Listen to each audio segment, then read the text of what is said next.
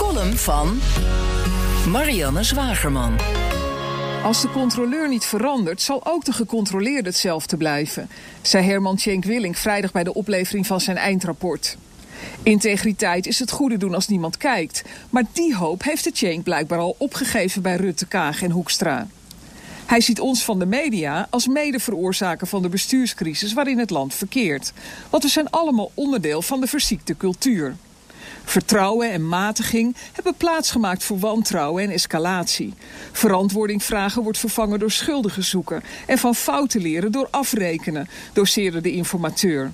Een opmerkelijk statement nadat het kabinet viel en de formatie langs de afgrond scheert, dankzij jarenlang onvermoeibaar spitten en graven in stapels zwartgelakte papieren door journalisten van Trouw en RTL Nieuws.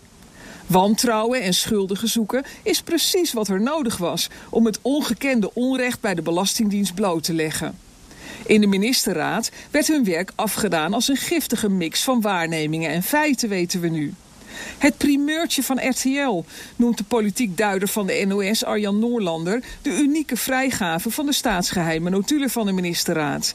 De definitieve ontmaskering van premier Rutte als geroutineerde leugenaar, dankzij de ANP-fotograaf die de functie elders aantekeningen vastlegde, verzacht de Noorlander tot leugentjes. Onder het bewind van Rutte is het aantal persvoorlichters en spindokters geëxplodeerd. Maar de NOS helpt graag nog een handje mee. Zou de Duitse journalist Thomas Kirchner dat bedoelen met de tandeloze buddy-journalistiek, zoals hij dat zaterdag noemde in de Volkskrant? Politici en journalisten zitten te dicht op elkaar en moeten wel degelijk nadenken over hun toekomstige rol. Maar niet zoals Tjenk Willing bedoelt. Beter is ontsla 70% van de Haagse communicatiemedewerkers en de helft van de politieke journalisten en duiders. Kap met de heigerige Haagse waan van de dagsjournalistiek. Maar trek het land in. Praat met burgers en bedrijven. Zoek dingen uit. Laat de politiek ingrijpen en iets doen aan de veel te grote macht van de twee Belgische mediabedrijven die de Nederlandse markt domineren. Lees het stuk in Vrij Nederland over DPG Media, waar het geld over de plinten klotst, maar investeringen in de journalistiek achterblijven. En aan de hoofdredacteuren die daar werken, blaf eens. Hoe zit het met jullie interne tegenmacht?